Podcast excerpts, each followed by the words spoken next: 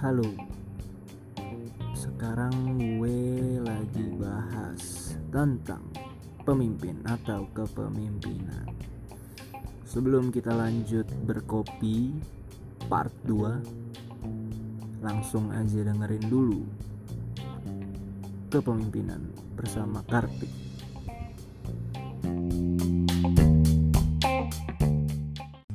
Kepemimpinan Ya. Kalau gue baca di Google sih ya, baca apa namanya, secara teorinya kan kemampuan seseorang nih, kemampuan Mhm. seseorang yang mengaruhi dan memotivasi Mm, orang lain untuk melakukan sesuatu sesuai tujuan bersama. Jadi mm, kepemimpinan tuh kemampuannya, ya, kira-kira begitu ya Bang Kartik ya. mm, mm, Benar benar benar. Ya, Kemampuannya. orangnya, seseorangnya baru pemimpin.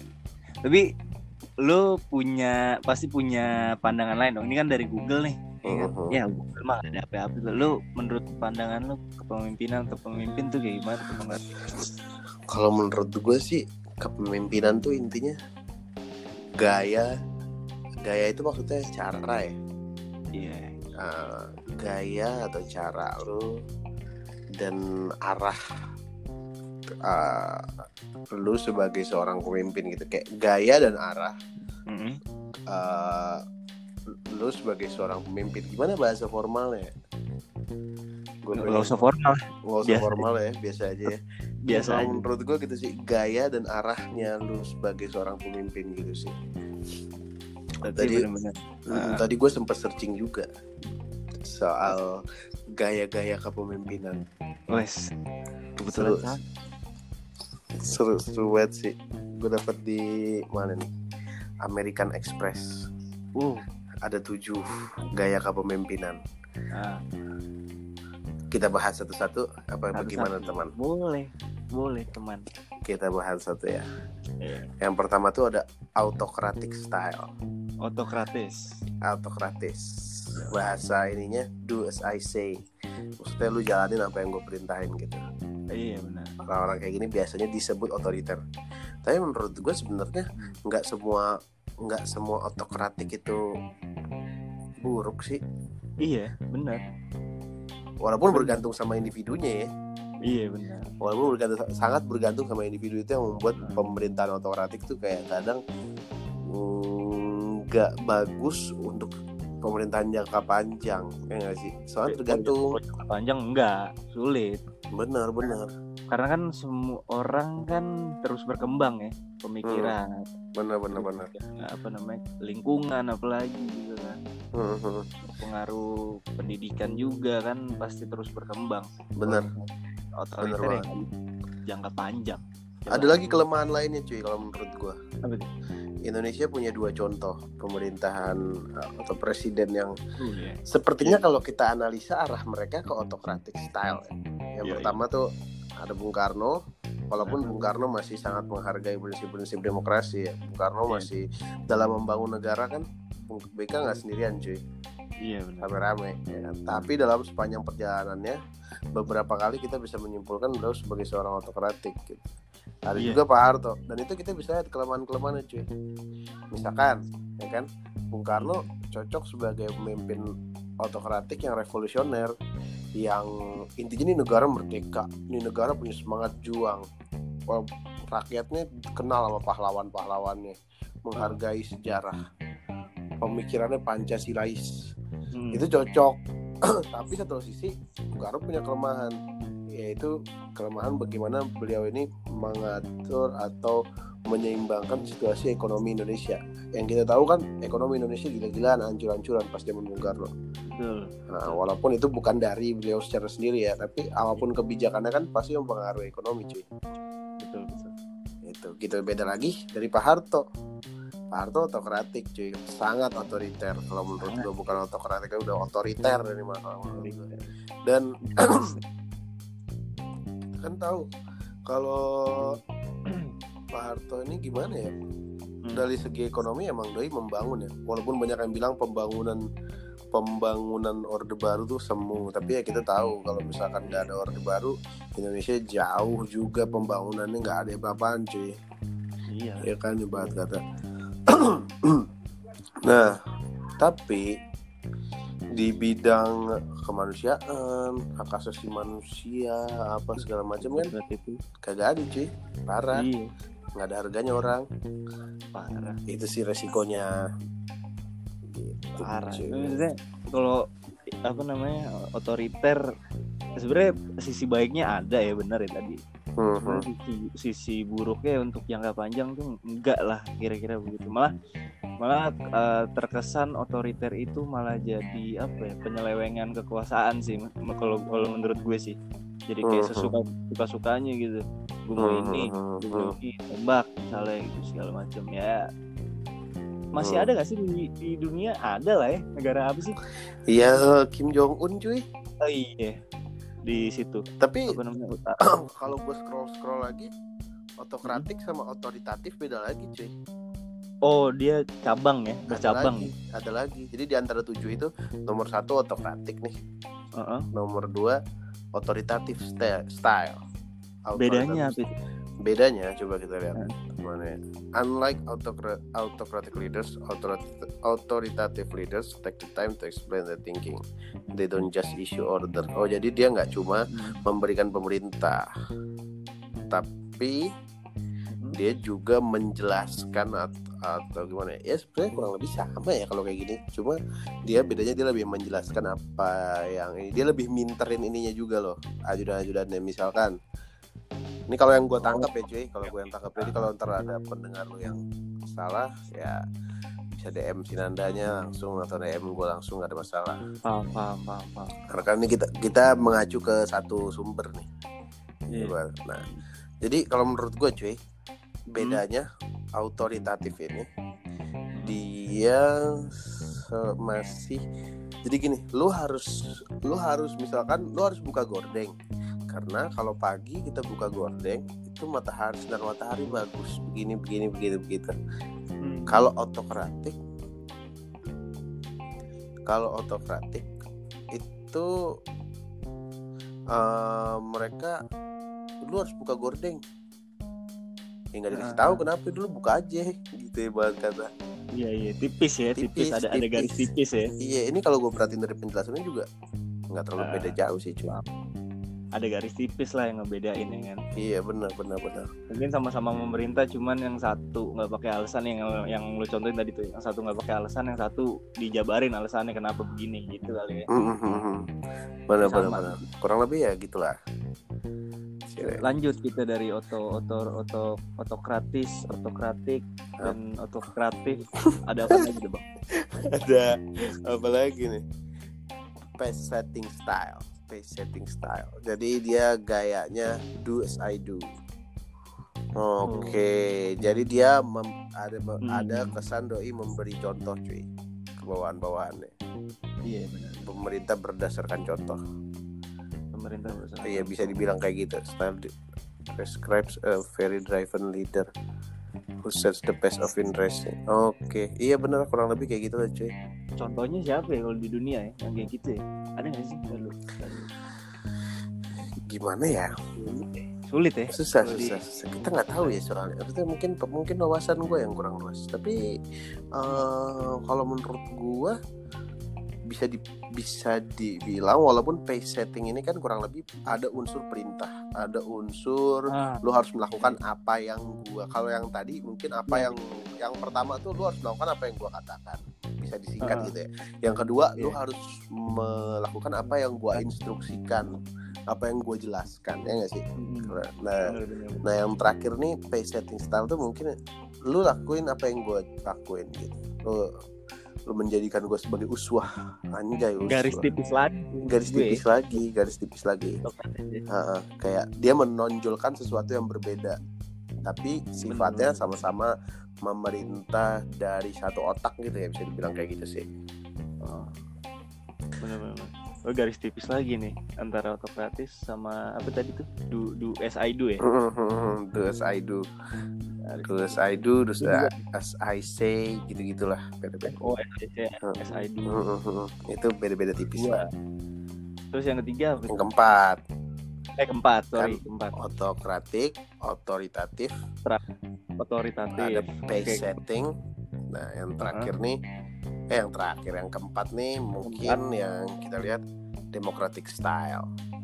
Wah, Democratic style. Jadi dia ini kalau bahasa asiknya mereka kan dia orang yang memimpin dengan gaya demokratis akan bertanya what do you think. Jadi gimana sih what do you think? Nah, itu. Jadi dia akan bertanya bagaimana pendapat lu semua. Sharing uh, ya demokratis lah seperti yang kita tahu yang kita tahu ya Seperti bukan yang- yang kita rasakan ya, ya. Kira-kira ya. Seperti yang diakui oleh Indonesia, begitu. ya seperti yang ya pokoknya Ya. seperti yang kita tahu bukan seperti yang kita rasakan gitu Ya, betul, betul. Tepat, tepat, tepat. Mm-mm. Bahkan di kampus gue juga gue nggak merasakan apa-apa. itulah Eh, demokratis Demo. di kampus aja. di kampus tuh gak ngerasain. Asli kalau di UNJ Nah. di kampus gue maksudnya Nah, bukan UNJ tapi kampus gue. Ini takut didengar orang-orang UNJ. kampus gue, gue tidak merasakan itu. Ya kalau dari skala skala apa namanya jurusan, ya mungkin memang semua juga nggak nggak terlalu berasa lah ya kalau dari jurusan Hmm. kan lebih ke, ke keluargaan lah ya. Lebih lebih satu apa ya otaknya masih apa ya ada satu tujuan yang segaris lah ibaratnya. Tapi kan kalau udah naik ke fakultas apalagi ke universitas kan udah punya kepentingan sendiri udah punya visi sendiri punya garis sendiri ibaratnya gitu. Mhm. nah itu gue nggak dapetin dari dari kepemimpinan di tingkat eh, setelah jurusan dan seterusnya itu gue nggak dapet nggak dapet rasa-rasa Mhm. apa namanya cipratan kepemimpinan demokratis gitu loh Mhm. yang yang Mhm. di apa ya diusung di kampus gue gitu Oke, ya itu biasa terjadi ya cuy. Soalnya gini sih cuy. Sebenarnya kalau Hmm. menurut gua untuk mendirikan sebuah atau gini untuk menjadikan lu sebagai seorang pemimpin yang demokratis atau untuk menjadikan organisasi lu atau organisasi yang demokratis itu bukan urusan mudah cuy. benar Tiga yang di atas tadi, tiga yang di atas Hmm. tadi, di antara otokratis, otoritatif atau pace setting Hmm. style, di antara tiga tadi menurut gua asal kepalanya pinter itu yang bawa-bawanya akan gimana ya? Segala sesuatunya lebih cepet cuy. Sistem lebih lebih cepet aja gitu. Efektif belum tentu. Efektif belum tentu. Karena kan uh, pemikiran pemikiran doi doang ibarat kata iya Nah, iya, apalagi yang terakhir tuh yang play setting do as I do.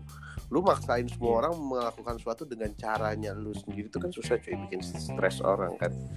Itu salah satu Iya. kelemahan. nah kalau demokratis ini kalau menurut gue juga nggak gampang lu mendirikannya. Lu harus lu Sulit. bikin orang-orang di sekitar lu itu punya pemikiran atau punya arah yang sama. Itu kan nggak gampang cuy. Misalkan uh, arah organisasi lu ini adalah uh, misalkan kita ibaratin kendaraan ya. Iya. Misalkan arahnya ke Cakung. Ada yang menurut Ah. ada yang menggunakan atau melewati jalan lewat kampus lu lewat UNJ ada yang Hmm. nanti lewat uh, wali kota Utara. iya, ada yang lewat Jakarta Utara sono. Itu kan Ah, walaupun arahnya ke Cakung tapi caranya berbeda. Itu nggak ada masalah tapi untuk Betul. menyepakati tujuan yang sama aja kan nggak mudah. Belum lagi menyepakati arah yang diambil eh ah, jalan yang diambil. Susah cuy demokratik style ini kalau menurut gue. Dan itu makanya penyebabnya kenapa negara paling demokratis di dunia saat ini aja yang nggak demokratis demokratis amat. Kalau dipikir-pikir ya sih. Gitu sih. Dan dan apa ya selalu ada apa ya ya kalau emang ya kita kan nggak tahu ya misalnya contoh lah ambil uh, Korea Hmm. Utara ya negara apa namanya ot- otoriter lah Hmm. otoriter dan sebagainya kita ambil contoh Korea Utara kita ngelihat dari jauh atau uh, mayoritas orang-orang uh, kecuali orang-orang negaranya sendiri lihat kayak adem-adem ayam aja kan nggak ada berita apa-apa kita ya Wah, dia eh, eh, apa namanya waktu waktu eh, belum lama belum lama ini dia buka apa nama apa namanya kayak turis gitu turis boleh datang ke sana terus lihat di sana terus oh sekolah nih nyanyi-nyanyi segala Mhm. macam di taman pada olahraga dan sebagainya dan sebagainya ada ada kegiatan-kegiatan sosial lah sosial sosial Hmm. gue lihat tuh dokumenter-dokumenter di Hmm. YouTube kayak gitu kan kelihatannya kan oh oh begini negaranya oke oke aja nih fine fine aja kan segala Hmm, macam. hmm. tapi kan apa ya eh, negara demokratis kan ibaratnya lebih lebih terbuka Iya ya iya iya. dibanding yang Benar benar. militer Hmm. lebih terbuka jadi ya gue juga apa ya namanya sebenarnya bukannya dukung otoriter Hmm. gitu kesannya demokratis tuh selalu ada masalah gitu. Nggak nggak mungkin eh, apa namanya gaya kepemimpinan atau kepemimpinan demokratis ini pasti akan menemukan masalah sih. Nggak mungkin nggak bakal ada masalah. Iya. seperti yang kita lihat otoriter contohnya. Wah. jadi kebalik. Benar benar benar. Benar banget.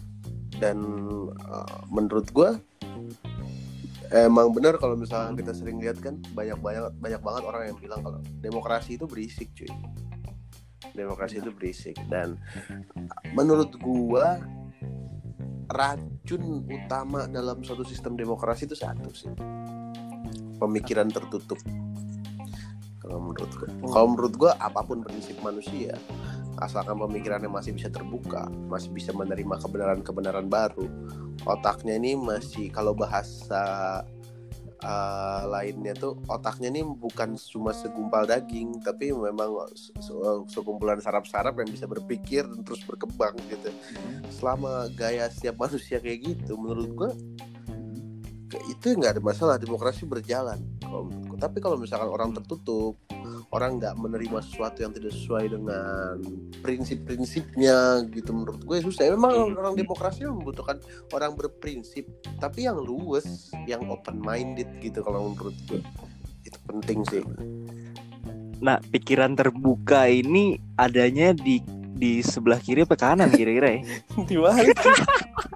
Di mana gue nggak ngerti lagi tuh Ya kan? bisa ada di kanan bisa ada di kiri Iya.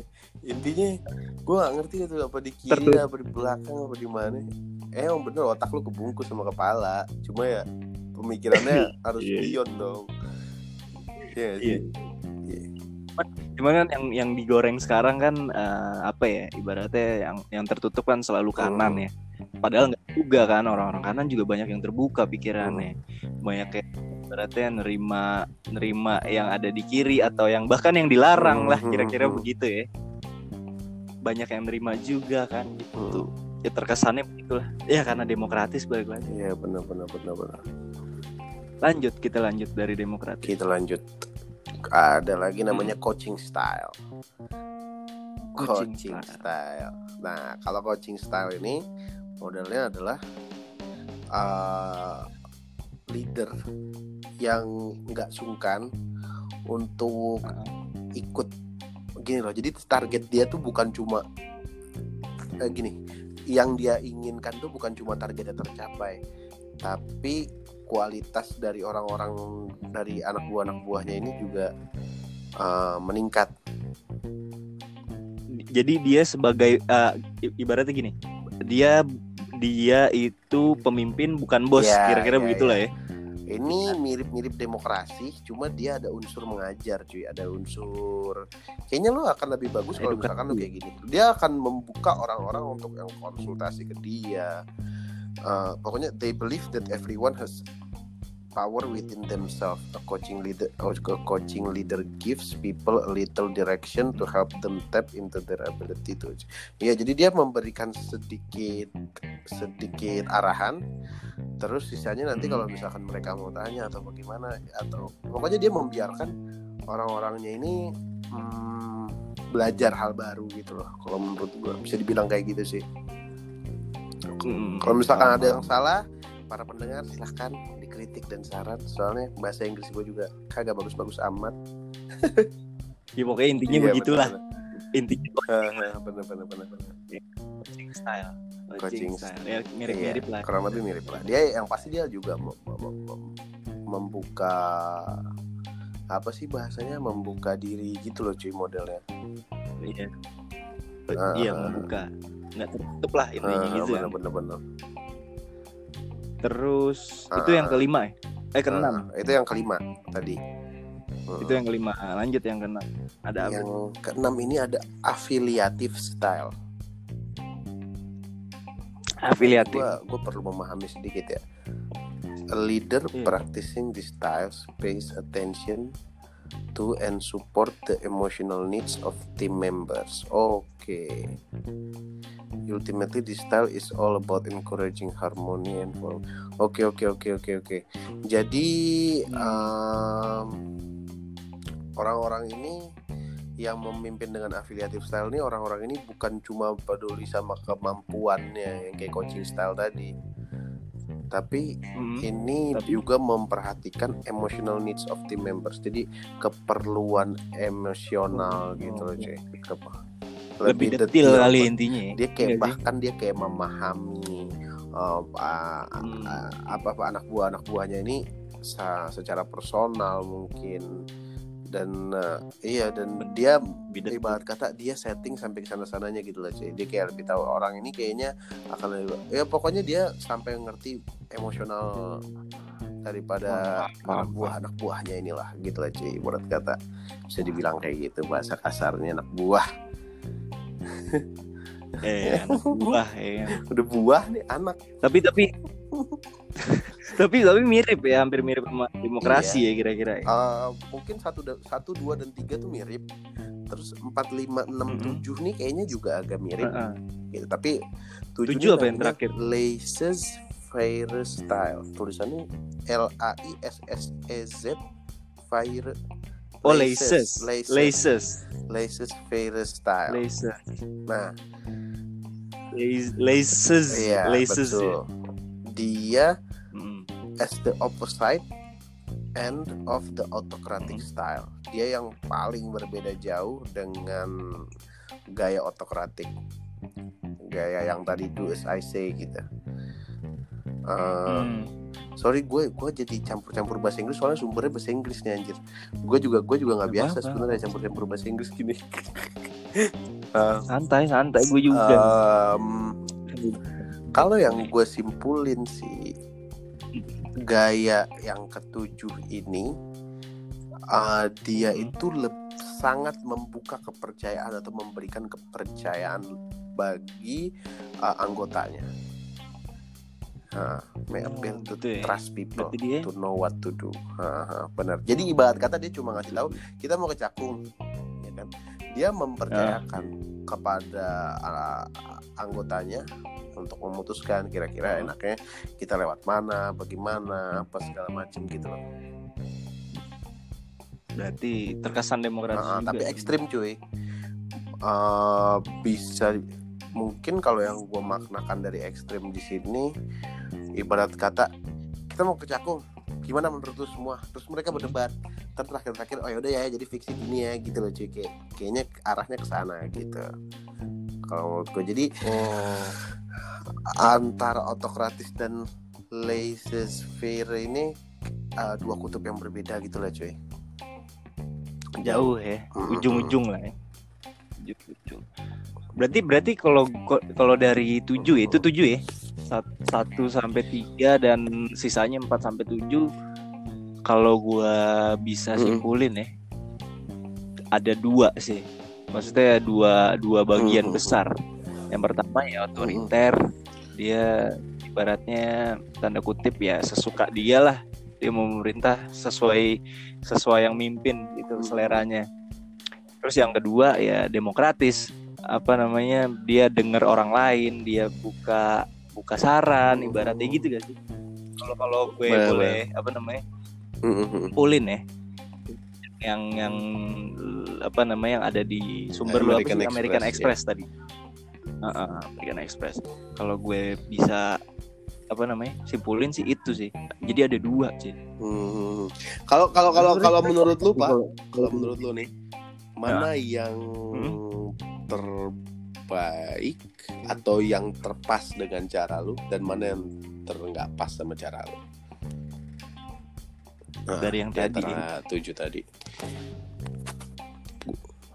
yang jelas gue kalau gue ya pribadi nih gue nggak nggak bisa banget lah Mhm. otoriter nggak bisa gue karena apa ya gue nggak tahu gue nya aja yang nggak bisa gitu mungkin mungkin eh, situasi keadaan bisa aja terjadi cuman eh gue nya aja gue ngerasa nggak bisa dari yang 1 sampai tiga gue gue paling nggak bisa tuh Hmm. semuanya Hmm. 1 sampai tiga semuanya nggak bisa nah tapi dari yang 4 sampai 7 itu yang Hmm. paling tepat ya itu itu gue bisa semua Ah. tuh ibaratnya masuk ke, ke diri sampai 7 cuman yang paling tepat kira-kira apa ya, ya bisa dibilang yang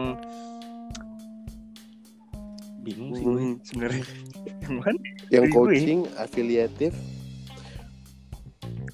Coaching so soalnya gue pernah ya maksudnya sesuai pengalaman gue aja gitu ya maksud gue. Cuman eh, yang terakhir juga bisa sih. Leses leses leses ini. Si Lazy. bisa juga. Ya hampir semuanya lah kira-kira. Demokratis, lah Demokratis kira-kira. lah ya. ya demokratis Hmm. aja lah. Nyari tengahnya. Itu yang menurut Demokratis. ya. Paling pas paling pas. Coba kalau lu Kalau gimana? gua, kalau gua jadi Ah. pemimpin sesuatu ya. Yep. mungkin gua akan eh, leb- agak otoritatif ya.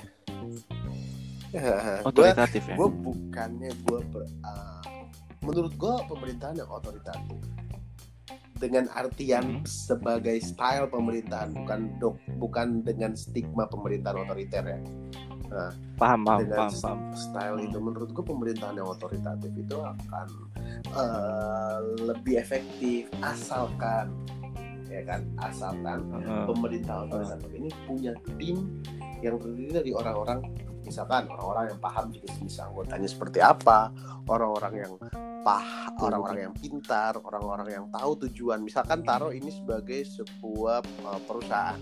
Ah, oke. Misalkan ini sebuah perusahaan atau ini sebuah organisasi deh biar lebih nyentuh ya. Misalkan ini sebuah organisasi. Uh, misalkan gue harus punya tim yang tim ini benar-benar merupakan perwakilan cuy. Gue gue sangat menentang konsepsi yang diatur oleh terlalu banyak kepala karena menurut gue Oke. walaupun Hmm, hmm. hasilnya bisa baik atau bahkan bisa sangat baik tapi prosesnya ini Paham, paham. sangat tidak efektif kalau menurut gue ya Uh, jadi Paham, asalkan paham, uh, secara tidak langsung si pemimpinnya ini menyentuh anggotanya. Dengan adanya perwakilan di timnya itu orang-orang yang paham dengan anggotanya, orang-orang yang paham betul dengan arahnya organisasi ini dan orang-orang yang paham betul sama arah pikiran gue sendiri. Asalkan ada tim itu, maksudnya tim yang terdiri dari orang-orang yang, ya taruhlah cendikiawannya gitu ya, di di eh, Iya, di, di eh, dalam organisasi itu, menurut gue pemerintahan yang otoritatif itu akan menjadi oh ya, cukup efektif gitu, cukup efektif. Karena gue nggak tahu ya mungkin eh, gue susah percaya sama orang, gue susah percaya sama, ya kan? bener dan kepercayaan itu salah satu Iya. asas utama di ketika lu pengen menjadi pemimpin yang demokratis oh iya cuy. jelas. Ya kan? Jelas jelas. Hmm. itu jelas. Itu mungkin kalau misalkan yang gue paling setuju ya tapi kalau yang gue paling kurang banget sih ya sebenarnya dari coaching ke bawah tuh udah bukan gue banget cuy demokratis demokratis Coaching ke bawah okay. itu enggak itu sangat modern Ah. sekali menurut gue kayak lu menghargai pendapat orang lain kalau Hmm. tapi kalau menurut gue kalau udah yang coaching style afiliatif terus yang terakhir tadi yang susah namanya itu wah gue merasa uh, setiap orang itu bertanggung jawab atas kemajuan dirinya sendiri cuy. Kalau coaching style itu kan ibarat kata Oke, lu memiliki andil atau ikut mau mengajarkan atau memberikan uh, ke apa sih ibarat kata edukasi baru buat anggota-anggota lo gitu. Menurut gua ketika kita bergaul sama orang yang sama dewasa semua orang harus mendidik dirinya masing-masing lah cuy gitu. Selama gue bukan gurunya gitu. Uh, apalagi aha, tapi bentar. Tapi kan se- secara tidak langsung dengan ini gue Oke. no offense ya Ini maksudnya gue nggak menyerang. Pendapat Hmm. Eh, secara tidak langsung juga kan dari semua gaya kepemimpinan ini pasti ada keterlibatan apa ya ke uh, keterlibatan pemimpin untuk apa ya istilahnya yang masuk ke coaching tadi tuh, ke pendidikan misalnya ke apa pun lah ya kan? Apa pun kebijakannya kan semuanya berkaitan. Jadi ketika apa ya sebenarnya kalau kok di coaching ini yang gue baca mana nih? Ini coaching ini ya apa ya normal keadaan normal di di sebuah kepemimpinan Hmm. sih sebenarnya ya, Tapi gitu ya. Pak, kalau menurut gua, lu mendidik anggota lu Ah. bukan berarti lu mengajar. Hmm. Dengan lu coaching, oke, oke, Oh. coaching masih bisa Iya, diterima. itu. Dia Hmm. lebih sekedar memberikan keleluasaan supaya mereka belajar. It's okay, nggak ada masalah. Cuma kalau sampai yang tadi yang afiliatif, yang kalau dibilang paling kontra, yang paling terakhir itu gua kontra banget sih. At, Leses. Uh, Leses, Kita bahas yang nomor 6 tadi yang afiliatif. Ah. Itu uh, afiliatif menurut gua dalam menjalankan tugas dalam suatu organisasi emosi itu harus dikebelakangkan cuy. Uh, enggak gua seba- kalau gua sebagai pemimpin gua akan mengebelakangkan emosi dan egoisme gue sendiri. Jadi tapi gue juga mau semuanya begitu cuy. Sekarang yang terjadi ya di organisasi yang uh, gue sedang gandrungi satu tempat lah gitu.